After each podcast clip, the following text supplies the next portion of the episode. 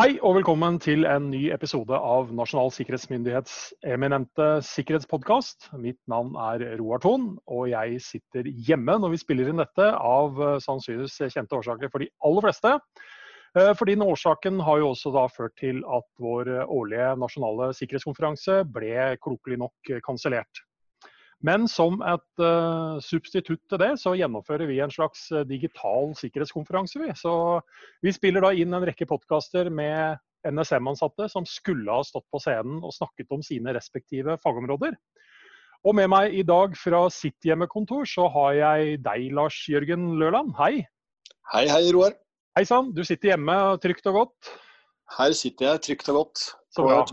Gjemt meg bort på et barnerom. Ja, ikke sant. Det er sånn, det sånn er det for veldig mange. Uh, ja, nå blir jo dette her en litt sånn uh, merkelig setting å gjøre dette på denne måten. Vi ser, ikke, vi ser, hverandre ikke engang. Men hvis jeg stiller deg spørsmålet som jeg har stilt til andre, da, Lars Jørgen, hva, hva, ville du egentlig ha foretrukket? Å stått på scenen foran masse mennesker, eller å sitte her og spille inn dette med meg nå? Tja, nå har jeg aldri vært med på en podkast før, jeg, så vi får Nei. kanskje snakke om det mot slutten. Men Ta det etterpå, ja. Jeg, jeg, er, jeg, er jo glad i å stå foran folk og prate, jeg. Jeg er glad i å prate. Så eh, begge deler. Ja, Sånn som jeg kjenner deg, så hadde du ikke vært nervøs for å stå på scenen øh, og snakket foran masse mennesker, så jeg tror dette her går veldig bra. Men uh, du og jeg skal snakke om det som ville vært temaet ditt. Uh, og for å ta en innledning til det, så har jo NSM i noen år nå hatt Eh, noe som heter grunnprinsipper for IKT-sikkerhet. og Det har vært særdeles populært. og Nå kommer ja. altså flere fagområder etter med sine grunnprinsipper. Mm. Uh, og Du skal rett og slett snakke om noe du har drevet med i mange år, og det er personellsikkerhet. Altså grunnprinsipper ja. personellsikkerhet. Mm. Uh, men da må vi kanskje starte et sted, da, fordi det er kanskje ikke alle som egentlig forstår uh, personellsikkerhetsordet engang. Så hva, hva er det? Ja, hva er det? Vi har, vi har jo aldri landa en sånn veldig fast uh, definisjon på hva personellsikkerhet er, men vi har sagt litt om hva du skal oppnå. Ja. Og et av de største målene for personellsikkerhet, det er å hindre, folkelig sagt, feil folk å være på feil sted. Ja. Uh, det å ikke få folk med sårbarheter på steder hvor de sårbarhetene kan realiseres. Og det, mm. det, enkleste eksempelet som jeg pleier å bruke, det er at som folk er veldig uh, komfortable med, det er at skal du jobbe med barn, f.eks. i en barnehage, ja. så får du ikke lov til det hvis du har dom for overgrep mot barn.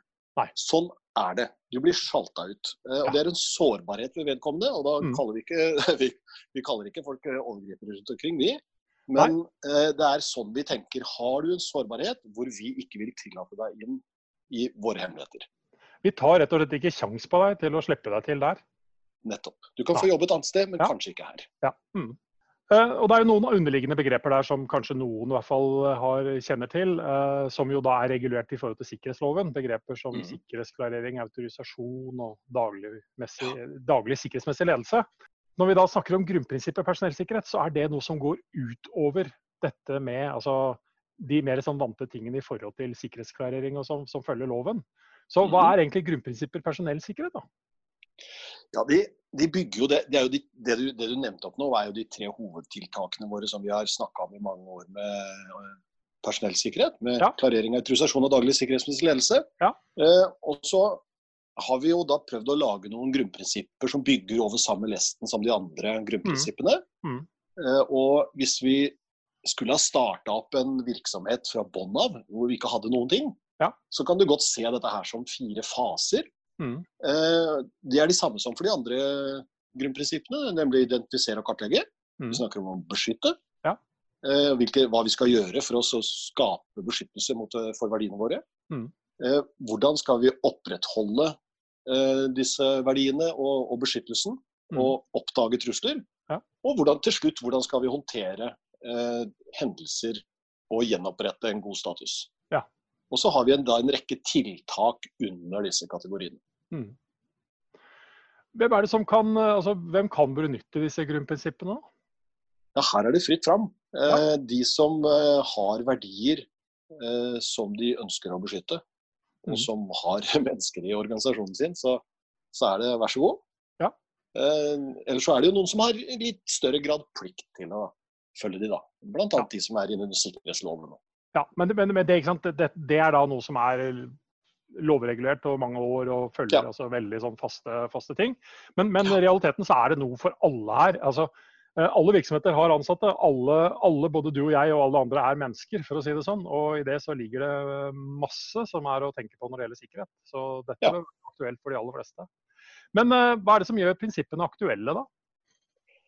Ja, altså Det som vi ser er jo nå med den nye loven eh, som kom uh, for en liten tid tilbake, mm. så har veldig mye av ansvaret på hvordan har blitt opp til virksomhetene. Ja. Eh, tidligere så var det satt konkrete krav. Du skal liksom ha en vegg som er så tjukk. Ja. Eh, og nå er det mer opp til virksomhetene sjøl. Mm. Og det har blitt en eh, Altså det å vurdere hva er bra nok. Ja.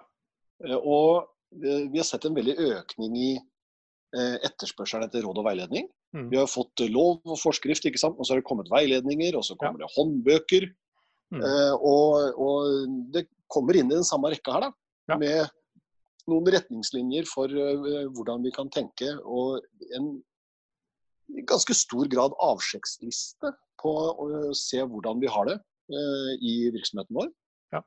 Um, og det blir aktualisert veldig mye med alle endringene som skjer i samfunnet og gjort de siste åra. Trusselbildet som endrer seg. Det er voldsomt på de digitale plattformene. Geopolitiske endringer. Ja. Eh, vi leser jo PSTs trusselvurderinger mm. og ser de endringene som kommer. Og så tror jeg det er veldig, veldig, veldig, lett å tenke sånn at i vår stadig digitaliserte hverdag, så er det dette Nå handler liksom sikkerhet om teknologi og datamaskiner og innholdet der osv. Og, så er det noe jeg prøver å minne ganske mange på, at uh, både de som lager disse maskinene og bruker dem, de er mennesker. Og det er betydelig altså mer verdi i å faktisk uh, greie å få de menneskene som sitter bak og har tilgang til all den informasjonen som er på en datamaskin, til å faktisk kunne bidra litt i i hvert fall for informasjonseier i en negativ retning, enn det er å skulle hacke disse maskinene. Altså, så verdien ja. å ha noen innafor, den er høy, altså. Den er høy. Eh, ja. Det er vel eh, mangelen på innsidere som gjør at folk sitter på utsiden og hacker. Ja. Der, der, eh, ja, ja. du hadde ikke hatt bruk for dem hvis du satt på innsiden nok. Nei. Så det er, det er, fint å beskytte seg mot hackerne. Men jeg tenker det at vi skal kanskje øke også fokuset på, på innsidetrusselen. Ja. Som det er, det er, mange som vil inn. Uten tvil. Eh, både Ja, det er hele kategorien. Ja. Så her er det ingen som håper jeg, ikke kan, kan, si at man ikke er, potensielt er et mål for et eller annet i en eller annen setting. Men Nei. du nevner Du bruker liksom begrepet egentlig, hvis vi kaller disse faser, da. Mm. så, og så sier du litt om å, å, å, egentlig starte opp en bedrift hvis man starta helt fra starten av. Og da er det jo egentlig greit å kanskje starte litt på starten. For, for, hvis man da og det er vel kanskje et ord som er brukt i, i grunnprinsippene. Sikkerhetsbasert tilnærming til, rekrut, rekruttering, rett og slett. Hva, hva, legger vi i sånt? Vi tenker at vi skal se hva vi har bruk for, ikke bare faglig, Mm. Eh, men eh, hvordan eh, vi skal tenke sikkerhetsmessig når vi skal rekruttere. Ja. Kan vi ta hvem som helst? Det er jo et ganske åpent spørsmål. Mm. ofte så sier vi jo det at her kan vi ikke ha hvem som helst. Men mm. Vi har jo sett det i etterspørselen etter klareringer også, at det, det er jo noen som ønsker å ha, eller har ønska å ha klareringer der hvor det ikke er grunnlag for det. Ja. Med, med forklaringa 'men vi kan ikke ha hvem som helst her'. Og eh, sånn skal vi spørre litt, da. Ja. Eh, og så må vi spørre igjen ja, hvorfor ikke? Mm. Eh, hva er det som gjør at disse stillingene må bekles av kanskje personer med spesielle egenskaper, eller kanskje mangler på spesielle sårbarheter? Ja. Skal det, være, skal det, være, mennesker uten tilknytning til andre land f.eks.? Er det viktig? Mm. Det er jo ofte et spørsmål. Ja. Og det vi må gjøre er jo da å kartlegge Eh, hvilke stillinger eh, må vi være veldig nøye med hvem vi ansetter, mm. sikkerhetsmessig. Ja. Eh, hvor skadene ville være store hvis vi ble ramma av en innsider. Og Her er det jo mange viktige prinsipper i forhold til å altså Setter man disse kravene for, for sterkt og litt sånn uten noe vurdering overhodet, så, så rammer man faktisk ganske mange mennesker fra å kunne potensielt bekle en rekke stillinger urettmessig. Ja. Så, så, det handler jo om faktisk å, å gjøre dette edruelig, og ikke bare, som, som du egentlig var inne på, her hos, her hos, oss skal alle være klarert eller godkjent på en eller annen måte. Ja, det er veldig enig Det kan være både dyrt og, og kostnadsdrivende på, på, mange forskjellige måter. Men ja, så, ja. ja, så er det jo også ganske forferdelig når folk mister jobben sin, kanskje. Fordi de ikke lenger kan ha en klarering. Ja. Eh, hvis det viser seg at de faktisk ikke trengte det. Ja. Det har veldige konsekvenser for enkeltpersoner, og det, det, må vi tenke over når vi setter et krav til f.eks. Eh, sikkerhetsklarering. Hvis man har gjort den prosessen, man, man har, man har liksom hatt en sånn tilnærming til rekruttering. Man har kanskje da identifisert i en virksomhet eh, noen spesielle stillinger som, hvor, hvor, man har høy risiko, og man har gjort ulike tiltak i forhold til de menneskene som skal ha de stillingene. Eh, så blir de ansatt, og så begynner de å jobbe. Er liksom jobben over da, eller? Ja, er den ikke det? Eh, da, da, da, da, begynner det, gitt. Ledende spørsmål. Eh, ja, ja relativt. Um, nei, vi, må jo, vi er nødt til å ha et eh, system for å følge opp disse menneskene. For eh, alle mennesker kommer med sårbarheter. Ja. Eh, om vi vil innrømme det eller ei, så har vi ja. sårbarheter. Ja. Eh, og det, vi kan si så enkelt som at ja, har du noen du er glad i, så kan du bli pressa til å oppføre deg dårlig med trusler mot dem. ikke sant? Det, det, sånn er det. Det er en eh, grunnleggende sårbarhet, det, som alle har. Ja, det er det. Eh, og så har vi andre sårbarheter som er eh, sterkere enn andre igjen. Da. Ja. Og vi snakker jo om disse sårbarhetene, og de er, kommer jo f.eks. I, i personopplysningsblanketten. Når det skal klareres, så spør vi jo rundt disse sårbarhetene. Mm. Det kan være økonomi, det kan være det kan være statsborgerskap eller forhold til andre stater, det kan være rus osv. Ja. Eh, og hvis vi vet om da, mennesker med eh, den type sårbarheter som eh, vi har hos oss, mm. så må vi sørge for å ha et system for å følge opp dette her. Ja. Og sånn at ikke vi får disse sårbarhetene kan stå i fare for å gjøre mennesket tilgjengelig da, for særlig trusselaktører. Ja. Mm. Men så er det jo også sånn at en veldig stor del av de som har blitt tatt som innsidere. Og der er jo de fleste tallene og kildene våre særlig amerikanske, da, ja, ja. så er det veldig ofte så er de selvmotiverte. Ja. Og eh, ellers har de blitt rekruttert av noen som var det. Eh, og det, det er verdt å legge merke til, syns jeg. Ja, fordi altså, Det du jo viser til, er jo flere undersøkelser som har pågått over lang tid, hvor man har sett på amerikanske statsborgere som da på et eller annet tidspunkt er tatt og senere dømt for spionasje, f.eks., til fordel for mm. et annet land. Uh, og overraskende nok, uh, kanskje ikke, hvis man tenker seg logisk om, så er ikke hovedårsakene til det uh, politikk eller overbevisning i den ene eller andre grad. Det er altså veldig ofte misfornøyde medarbeidere som har mista lojaliteten sin til arbeidsgiver, landet sitt. Riktig. Riktig. Og som finner sin egen egenverdi i å potensielt selge kunnskapen sin for å få opp statusen sin, om det er penger eller andre ting som driver dem. Ja, eller i hvert fall at lojaliteten eh, blir så lav at de velger å berike seg rett og slett og ja. selge informasjon. Eller, eller, eh, også ser vi også rene hevnaksjoner. Ja. Det har vi jo en, eh, fått en del eksempler på. I, i fjor blant annet, så var det jo noen som ble dømt for den type virksomhet som har kommet til mediene. Ja. Det er jo der poenget liksom blir da, at eh, man, man, kan ikke man, man, kan ikke liksom bare rekruttere og så stanse det. fordi mesteparten av de menneskene vi egentlig nevner nå, i, uten å være i detalj, altså disse, denne, denne, store amerikanske oppfølginga, så er jo dette mennesker som var altså, vurdert og lojale når de startet på jobben sin. Det er bare de har ut, Dette har utviklet seg over tid. De startet jo ikke der for å si at dag to så skal jeg begynne å selge hemmeligheter. Nei, eh, og det har jo eh, kollega Kristine snakka en del om i andre sammenhenger. Ja. Eh, Bl.a. dette her med at hvis du ikke skal ha en innsider, så skal du ikke ansette menn i sin beste karrierealder og ikke ha dem mer enn fire-fem år. Så, ja, så lykke, lykke, til med det. ja, men det er altså tilfellet at innsidere de begynner gjerne ikke å virke som innsidere før de har vært noen år i virksomheten. Mm. Eh, sånn at det er ikke det største eh, filteret er ikke når vi ansetter folk. Det, vi må ha det pågående hele tiden. Mm. og et godt råd er jo rett og slett å sørge for at du har fornøyde arbeidstakere. Ja. Behandle ja. folka dine ordentlig. Godt arbeidsmiljø er et godt sikkerhetstiltak. Absolutt, det er det virkelig. altså. Det er, vi skal være forsiktige med de hevngjerrige, bitre menneskene. Mm. Men eh, når vi da snakker om sånne ting som sårbarhetsoppfølging, da, altså rett og slett å følge de opp etter at de er blitt mm. ansatt, så må de jo ha et system og rutiner der.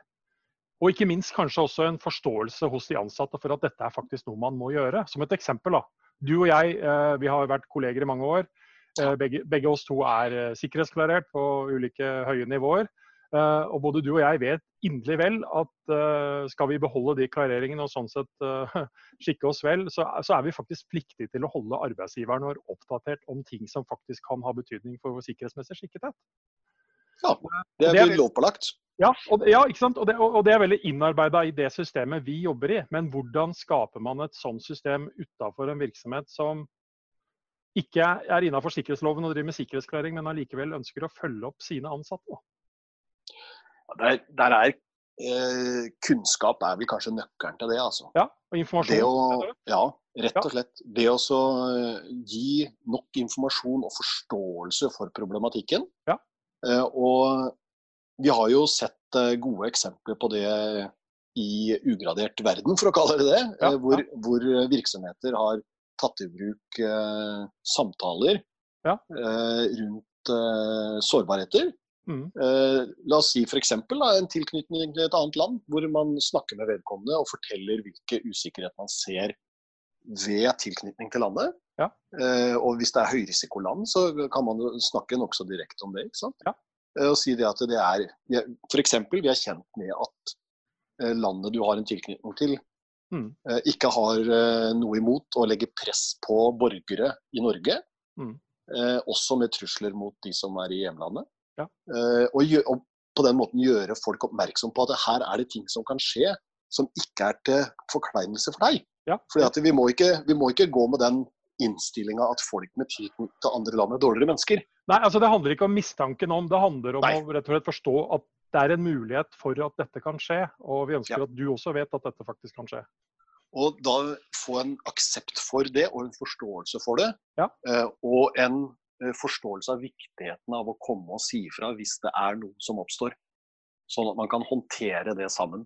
Ja, ja jeg tenker på at Det, det kan også være f.eks. å stenge tilgangen ikke sant? Ja. Mm. for vedkommende. fordi at da, da, gjør du deg mindre sårbar eh, i, i, samarbeid med den ansatte sjøl.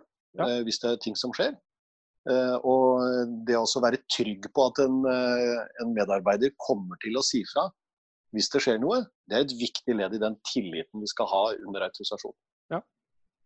Og det, jeg tror det er et viktig poeng her å faktisk spille litt på de si, helt normale følelsene som vi mennesker har. fordi de aller fleste av oss vi, på arbeidsplassen vår vi, vi, ønsker å gjøre det bra. Vi er kanskje stolte av bedriften vår, merkevaren eller hva vi leverer altså, av produkter eller, eller gode tjenester til samfunnet eller hva det måtte være. Og alt, altså alle disse tingene er jo i spill i sånne situasjoner vi snakker om nå. Så det, det faktisk å liksom spille litt på, på, akkurat at ja, de fleste ønsker å, å, å skikke seg og gjøre det bra. Og, og, her er litt informasjon du trenger for å gjøre det ytterligere også på dette området. Det tror jeg er veldig viktig. Absolutt. Og det å ha en gi, seg, gi vedkommende en tillit. Ja. Altså, du, du, som leder må ha tillit fra den ansatte, mm. eh, til at, eh, sånn at de kommer til deg. Eh, hvis du står bare med riset og slegga, så ja. skremmer du de bort. Ja, altså Hvis du nærmest vet at du risikerer å få sparken dagen etterpå dersom eh, noe skjer, så ja, da Da, da, da kommer du ikke. Hvem hadde gått da, liksom? Ja, eh, er, ja. Men vi ser det at det er en helt avgjørende faktor for å ha god sikkerhetskultur. Det er et ord du er glad i, Roar? Ja, helt klart. Og det også det å skape en trygghet for at hvis du har gjort en feil, så kan du komme og si ifra. Altså, ja. hvis, du har, hvis, du har, glemt å snurre det hjulet på, på safen din, ja. eh, du har låst eh, daglås med nøkkelen, ikke sant? og du har, har eh, lagt vekk nøkkelen, men du glemte å, å, snurre det hjulet, da er det ett, et av lagene i sikkerheten som er borte. Ja. Hvis du da kommer på jobben og ser det at oi, det har jeg ikke gjort, eh, kikker deg litt rundt og snurrer hjulet og tenker at det gikk fint, mm. så vet du ikke det. Ja. Altså, eh, hvis du da går til sikkerhetsleder, så kan sikkerhetsleder se, sjekke de andre lagene. Du kan se har alarmen vært på i natt, har den vært på hele natta, har det vært noen her? Mm. Eh, har andre sensorer vært i virksomhet osv. Så, videre, så kan vi få vite at, med sikkerhet at det gikk bra. Ja. Og jeg vil heller ha den uh, medarbeideren der enn uh, ja. den som vi aldri hører noe fra, fordi det er ingen som er perfekte. Nei, for det, det, er det vi leiter etter. Samtidig så må du legge til rette for at det faktisk kan skje. Så, så, så mm. mitt, mitt, gamle eksempel på det som er spist opp av teknologien, da, det er jo rett og slett at uh, når, når, når, mennesker gjør feil, så f.eks. la putte to uh, ark med gradert informasjon inne i fire andre ark som blir sendt på en gammeldags uh, telefax, for de som vet hva det er, og man oppdager at man har gjort den feilen, så ønsker jo sånn sett systemet og bedriften og så videre, å ha ansatte som faktisk tar et skritt fram og sier hør nå her, jeg har gjort denne feilen, vi sendte dette dit. Og så kan man drive skaderedusering etter det, kontra noen som da bare holder helt kjeft og at, håper at det bare går bra. Så, så er, vi er ute etter voksne mennesker som ja, tar ansvar, men samtidig så må man ha et miljø som legger til rette for at det faktisk føles fornuftig å gjøre. da. Ikke sant. Ja. Det, må, det, må, være en uh, kunnskapsbasert uh, sikkerhetskultur. Men når vi da er kommet så langt at vi kanskje vi har, vi har kanskje skapt en kultur, og de ansatte vet en del om uh, hva, hva, som forventes og hva som kan skje, så kan det jo likevel skje ting med mennesker som ja, man, man, kanskje allikevel ikke tok høyde for. altså rett og slett Det dukker opp nye ting som, som man ikke visste om. og Hva gjør man da? Ja, og det, det, er jo sånn også at mennesket er i stadig forandring og utvikling også. Så at det mm. skjer ting med folk eh, som ikke de, noen forutså. Ja. Eh, plutselig så møtte man kjærligheten fra et helt annet kant av verden som man ikke hadde tatt for, for Man kanskje ikke forventa seg ja. sjøl, ja. ikke sant? For eksempel. Eh, og det som du var litt innom tidligere, det var jo det at eh, den varslingsplikten Altså vi må eh, forvente at medarbeiderne kommer og sier ifra om sårbarheter, eller endringer i sårbarhetene sine. Mm. Det, er, det, er, eh, noe av det viktigste vi baserer hele den tilliten på. Mm. Og vi ser jo at det er jo faktisk eh, folk som har mista klareringa si fordi de ikke sa ifra om ja. et forhold de ikke hadde mista klareringa på. Mm. Ja. Hadde du bare fordi sagt ifra, så hadde det vært greit. Ikke sant? Ja. Fordi at, eh, så hadde det i hvert fall vært mye greiere. fordi at mm. Eh, det vi det vi eh, gjør en, for å ta sikkerhetsklarering, da, det er jo både innenfor og utenfor, dette ja, ja, ja, helt klart, helt klart. Men, men, i en sikkerhetsklarering så, så, er vi jo ikke ute etter å straffe folk for hva de har gjort, men vi vurderer tar vi sjansen framover. Og, ja. og hva, vi prøver å forutsi om vedkommende kommer til å, oppføre seg sikkerhetsmessig fornuftig framover. Ja. Og hvis du ikke kommer og sier ifra da, så mm. er jo det et ganske alvorlig skjær i sjøen. Altså, og, og, da er vi jo litt sånn på Vi har jo nevnt et annet begrep, daglig sikkerhetsmessig ledelse. og Der mener jeg jo at ledere har et betydelig ansvar. Da, fordi ledere, hvis de gjør jobben sin håper jeg, i hvert fall riktig i mine øyne, så gjør de jo hele tida vurderinger på kanskje hvem av sine ansatte er det som kan levere best på dette oppdraget. Ja. Uh, og, og, og da, da, plukker du kanskje ut de menneskene du mener leverer best på dette oppdraget, og gir det oppdraget til dem. Det blir litt sånn her også, bare i en sikkerhetsmessig forstand hvor mye har du tillit og stoler på dine ansatte til å ja, Er det deg vi sender på en tjenestereise til et land med høy risiko, for å si det sånn? Altså Sånne ting, da, sånne vurderinger. Ja. ja. Og det er, jo, det er, jo, nedfelt også i disse her eh, grunn, de, de, godordene våre på personellsikkerhet, ikke sant? hvor et av dem er eh, dømmekraften. Ja. Mm. Eh, er det, forventer vi at du oppfører deg på en skikkelig måte? Men igjen, da, det er, det er, flere sider av disse sakene. fordi altså, vi, Du og jeg snakker om mennesker som da mista klarering fordi de ikke har meldt fra osv. Det er innenfor sikkerhetslovens verden. Uh, samtidig så må man også gi disse menneskene informasjon nok om til å forstå at kanskje ganske intime personlige forhold kan faktisk ha betydning for det. Det handler ikke bare om hvordan du oppfører deg på jobb mellom åtte og fire. Det handler om faktisk hvordan du lever livet ditt altså 24-7. Ja, det gjør det, altså. Er, det er ikke så veldig lenge siden jeg var og holdt et eh, kurs eh, om autorisasjon, hvor, hvor, det var et spørsmål om at dette her, dette her, du snakker om nå, det er jo privat. Ja, det kan jo ha noe med min jobb å gjøre, hva jeg ja. driver med på fritida. Ja. Og det er jo det det handler om. Det er jo det hele, hele mennesket. Det er hvordan eh, skjøtter du økonomien din? Hvordan eh, forholder du deg til økonomien din? Eh, og eh, rus, lov, lover og regler i samfunnet. Mm. Eh, som har blitt gitt av lovgiverne en overføringsbetydning ja. til eh, å vurdere sikkerhetsmessig skikka. Mm. Eh, at hvis du stadig bryter straffeloven, ja vel, så ser vi faren for at du kanskje ikke er så veldig lojal mot andre regler innenfor sikkerhet. Mm. Men for, for, virksomheter nå som eventuelt lytter på deg og meg snakke om dette her, som, eh, som kanskje ikke er underlagt sikkerhetsloven, for det er også en viktig ting her. Det å, skulle, det å skulle snakke med sjefen sin om de tingene vi snakker om nå, det er ikke nødvendigvis enkelt i seg selv. Uh, og I sikkerhetsloven så er det jo satt opp noen rammer som gjør at den informasjonen man faktisk da, sånn som vi snakker om nå, private forhold osv., personopplysningsblanketten, den skal ene og alene brukes til det formålet at man skal vurdere din skikkethet uh, ja. i et sikkerhetsmessig perspektiv. Men hvordan løser man det i en virksomhet som da f.eks. ikke er underlagt sikkerhetsloven, og vi anbefaler at man skal gjøre dette, dette er smart å gjøre, og det mener både du og jeg at det er. Men hvordan løser man det ved å skulle holde sjefen sin oppdatert, som samtidig er den som bestemmer framtidig karriere, lokale lønnsforhandlinger, hvem er det jeg sender på the fancy konferansen? Altså, du skjønner hvor jeg vil hen nå? Ja. Um, og Da tenker du kanskje på dette med personkontrollopplysninger og håndtering av det? Ja, ikke bare det, men rett og slett at, at man, man, de, som, de, menneskene som får tilgang til denne informasjonen, må, mm -hmm. må altså vite hva den faktisk skal brukes til, og ikke at den type informasjon faktisk misbrukes. For da ødelegger man jo hele forutsetningen og tillitsforholdet for, å, for at ansatte faktisk kommer og forteller om ting som kan være litt negative. da. Ja, eh, og da, da, er jo, eh, da, er, det jo verdt å se til hvordan vi behandler akkurat personkontrollopplysninger innenfor personellsikkerhetstjenesten i, det, i den graderte verden. Ja. Eh, og, og, overføre de til den ugraderte syns jeg er en fin ting. Og da mm. er det sånn at de opplysningene som vi og autorisasjonsansvarlig også har for å vurdere sikkerhetsmessig skikkhet, de mm. skal ikke brukes til noe annet. Nei. De skal kun, og det, det, sier loven også, de skal kun brukes for det de er samla inn for. Eh, og det er en tillit som vi må ha eh, mellom den ansatte og, de, og sikkerhetsleder eller den som autoriserer. Og uh, Derfor så bør de, også de opplysningene holdes separat. Ja.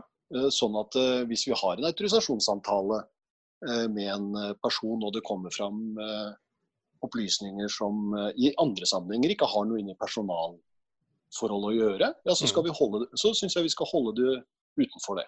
Ja. Eh, ja, eller, eller, rett og slett å bruke det andre begrepet i grunnprinsippen, sårbarhetssamtaler, som dere skriver om. Altså, ja. Holder man den sårbarhetssamtalen, så er det ikke årets medarbeidersamtale, altså?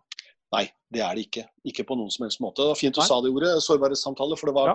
Det var det jeg snakka om i stad, om eh, ja. det å holde en samtale om f.eks. en tilknytning til et annet land. Mm. Uh, og jeg syns vi skal behandle uh, en sånn sårbarhetssamtale på samme måte som vi skal med en autorisasjonssamtale. Dette er for dette formålet, og, og det blir uh, i den settingen.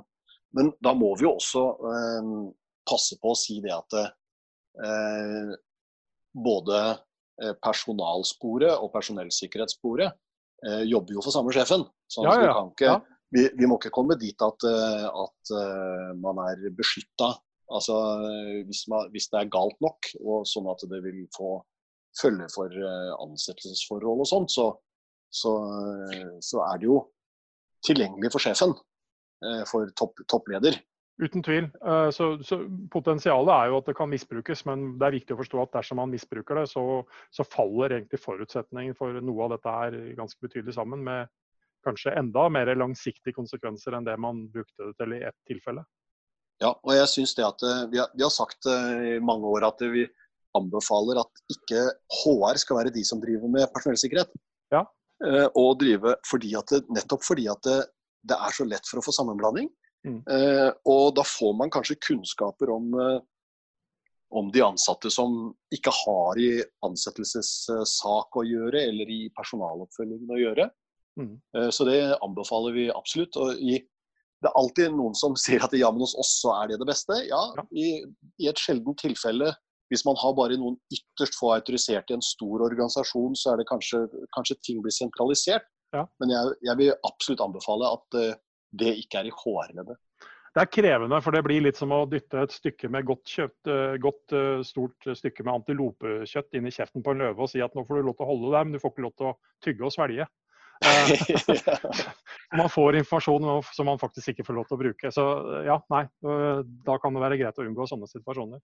Men eh, har du andre, andre, råd i forhold til det å faktisk se etter atferdsendringer på hva virksomheter kan, kan gjøre der? Ofte så er det, kommer jo folk og forteller om at de har blitt samboere eller gifta seg og fått ny livspartner. Ja. Og så kommer jo også en del og sier at de ikke har en samboer lenger. Eh, ja. Og det, det, er jo en person mindre ut ifra den sirkelen vi undersøker, f.eks. av en sikkerhetsklarering. Men det kan være en god anledning til å snakke med vedkommende om sårbarheter som fort kan oppstå i forbindelse med, med samlivsbrudd. Hvor man kan få fiendtligheter, man kan få rettssaker, man kan få økonomiske problemer. Ja. Man kan få rusproblemer osv. Og, så og være oppmerksom på hva som kan skje, og snakke med sin ansatte. Men så er det jo sånn at uh, man har vært i jobben en stund, uh, alt mulig. Og som, som, du sier, livsendringer. Uh, ansatte kommer og går. De slutter jo. Hva bør man gjøre da? Ja, da bør man jo skille som venner, tenker jeg. Ja, det er en fordel. I, først og fremst. det er hvis vi kan unngå at folk slamrer så voldsomt med døra når de går, og, og hater den tidligere arbeidsgiveren sin og har litt hevnmotiver og sånt noe, så tror jeg det er eh, mye gjort uh, etter at de har forlatt oss. Det at de har en uh, lojalitet til det de har fått vite, og, og, hvem vi er og hva vi gjør, ja. det er veldig verdifullt. for de går med mye informasjon ut av døra. Ja. Um, og det som vi kanskje ikke er så gode på Eh, eller som vi, er, som vi, er, veldig forsiktige med i Norge, det er jo tiltak når vi er kjent med at folk har sagt opp. Ja. Og fram til de eh, slutter. Vi, mm. det som, hvis du hører med en mellomleder, ikke sant? så er det første spørsmålet vedkommende vil stille, er jo ja, hva er siste dag jeg kan bruke denne medarbeideren? Ja. Hvor lenge kan de jobbe for full gass og ja. alle tilganger? Man står, opp, eh, man står oppsigelsestida si ut, selvsagt. Ja, ja, ja, ja. Og hva kan du gjøre ferdig før du drar? Ja. Eh, mens eh, vi hadde jo en eh, Det var en undersøkelse for en sju-åtte år siden som viste det at det var overraskende mange nordmenn som ville ta med seg informasjon som virksomheten eier, ja. når de slutter. Og særlig hvis de får sparken. Ja. Da var lojaliteten ganske lav. Ja. Og vi, jo, vi, vi, fortsetter jo bare tilgangene. Altså, det er, det er, liten kultur for å stanse eh, tilganger for folk som har sagt opp. Mm. Eh, det er kanskje enkelte stillinger som har, som har det som regel at det, eh, da må du slutte med en gang. Du får ikke lov til å jobbe her mer. Ja. Men eh, det er ikke så veldig vanlig. Nei, altså, det, det, er jo store kulturforskjeller på bl.a. amerikansk og norsk arbeidsliv. Eh, og mange har sikkert sett både dårlige og, og mindre dårlige, bedre TV-serier, filmer hvor ansatte uh, si, får med seg en sikkerhetsvakt for å fylle opp, uh, fylle opp sin lille pappeske med, med ja, de har ikke stort på kontoret sitt? Nei, de har ikke det. Og så er det å bli fulgt ut på gata den dagen. Uh. Og det, det, det, oppleves jo, må jo sannsynligvis si at det, det ses jo veldig hardt og brutalt ut. Men, men det fins faktisk sikkerhetsargumenter for at uh, sånn i enkelte situasjoner faktisk kan være smart. Uh, ja. Men så for å, for, å, for å, dra det litt tilbake igjen, da. Fordi det at altså, både du og jeg vi har uh, skrevet under på taushetserklæringer som da både du og jeg vet veldig godt at selv om du og jeg sluttet i morgen, så gjelder de fortsatt. Ja. Uh, men, men, altså, problemet her er jo at vi har Og da trenger vi ikke dra til USA, for vi har flere saker og hendelser i Norge hvor ansatte nettopp har altså, sabotert virksomheten ved å slette data. Uh, ja. De har tatt med seg viktige data. Eh, altså en rekke forskjellige ting som, som Dette bør være noe av eh, virksomhetens systematikk for å se hvordan man faktisk eh, forvalter dette når ansatte slutter. Mm. Ja, vi så jo det, ikke, det var vel i fjor at det var en som ble dømt i, borti Nord-Amerika for uh, en som mista jobben sin, men han fikk helga på å gå hjem og skrive oppsigelsen. Han skulle få lov til å si opp sjøl. Ja. Og Da hadde han med seg laptopen hjem, og, og da gikk han inn på det var et jernbaneselskap. Mm. Og da gikk han jo inn og, og ødela ganske kraftig styringssystemene for disse switchene i, i jernbanesystemet. Ja. Eh, for han hadde jo eh, passordet til det, og så ja. endra han passordet før han logga ut og gikk og leverte på mandag. Eh, og da har vi, da har vi tapt, på en måte. Men, men, igjen da, det er, det er, ikke sånn at vi nå sier at sånn oppfører alle ansatte seg. Det, det er å forstå at det er smart for virksomheter å ha rutiner rundt dette her som risikoreduserende tiltak for at sånne ting faktisk kan skje. Når man da er i det, den type altså, Ja, rett og slett når, når, når disse tingene da når, når, arbeidsforhold termineres eller, eller, ansatte slutter, at man også tenker på disse tingene. Ja, jeg er helt enig i den. Og du og jeg vi har, vår tid, i, har noen år i Forsvaret begge to og, og kjenner til dette med rundeskjema. Ja. Og det er et, eh, det er et undervurdert eh, verktøy. Ja. Altså listen over hva du skal gjøre når du kommer, og listen på hva du skal gjøre når du går. Ja. Og på den lista så får du da sørga for å få ut utstyr, for å levere tilbake utstyr. Det mm. være seg iPader og, og laptoper. Det kan være det å eh, være innom IT-drift, så de stenger ned alle tilgangene dine. Ja, ja. Og ikke minst at du skal innom sikkerhetsleddet og få en prat eh, nettopp ja. om det å slutte og fortsatt eh, taushetsplikt. Men eh, du og jeg, Lars Eggen, vi kunne ha sittet og snakka i flere timer om dette her. Uh, Eh, du jobber med det nå, jeg har jobbet med det tidligere, og vi har jobbet sammen om dette. Så, så igjen, dette kunne vi ha brukt mange timer på. Men, men hvis du skulle gi noen avsluttende råd da, rundt dette med personellsikkerhet til de som lytter på? Ja, og disse, disse grunnprinsippene våre de går jo særlig til ledere med ansvar. Ja. og starte med å gjøre personellsikkerheten til en Eh, del av det, det styringssystemet for sikkerhet. Mm. Det må med, og jeg har jo et inntrykk av at veldig mange har det. Ja. Eh, det, er, det, er, veldig mange som gjør veldig mye godt arbeid, mm. Eh, og som ønsker å være gode. Men også sørge for at det blir prioritert av ledelsen med personellsikkerhet på like linje med, med IKT-sikkerhet. Ja. Det er nummer én, tenker jeg. Mm. Og at det blir pekt ut ansvarlige Eh, som skal gjøre lede an personellsikkerheten. Ja. Sånn at vi vet at det er der informasjonen skal være, og det er der informasjonen blir fulgt opp. Mm. Og så er det, Vi snakka om informasjon og kompetanse i stad.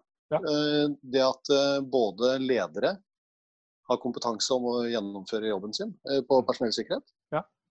Og det kan være autorisasjonssamtaler, det kan være sårbarhetssamtaler, mm. daglig oppfølging.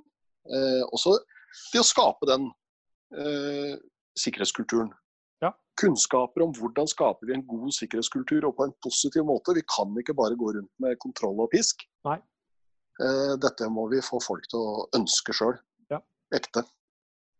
Um, og så må vi evaluere det vi driver med. Sørge for at, uh, at, vi følger lover og regler. Og at ikke vi tråkker over grensene også.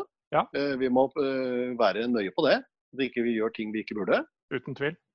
For, for, for det, det, det, det, slår meg da når vi snakker om dette her. ikke sant? Fordi du og jeg kommer fra en må jo sies at vi kommer fra en litt spesiell verden rundt dette med sikkerhetsklareringer osv. Eh, det er ikke alt av dette som er like overførbart og, og, enkelt å gjennomføre fordi at man ikke har en, rett og slett en lovhjemmel til å gjøre disse tingene, som man faktisk har i henhold til sikkerhetsloven.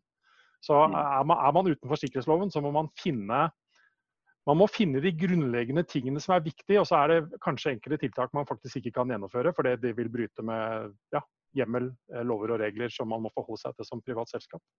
Ja visst. Eh, det er kjempeviktig, og det går på tilliten eh, ja. til, til, oss og personellsikkerhet og alt sammen. Og bare sånn som å f.eks. lagre informasjonen. Og, mm. og, lagre den informasjonen vi får av folk og om folk ja. på en si, overdreven måte. Ja.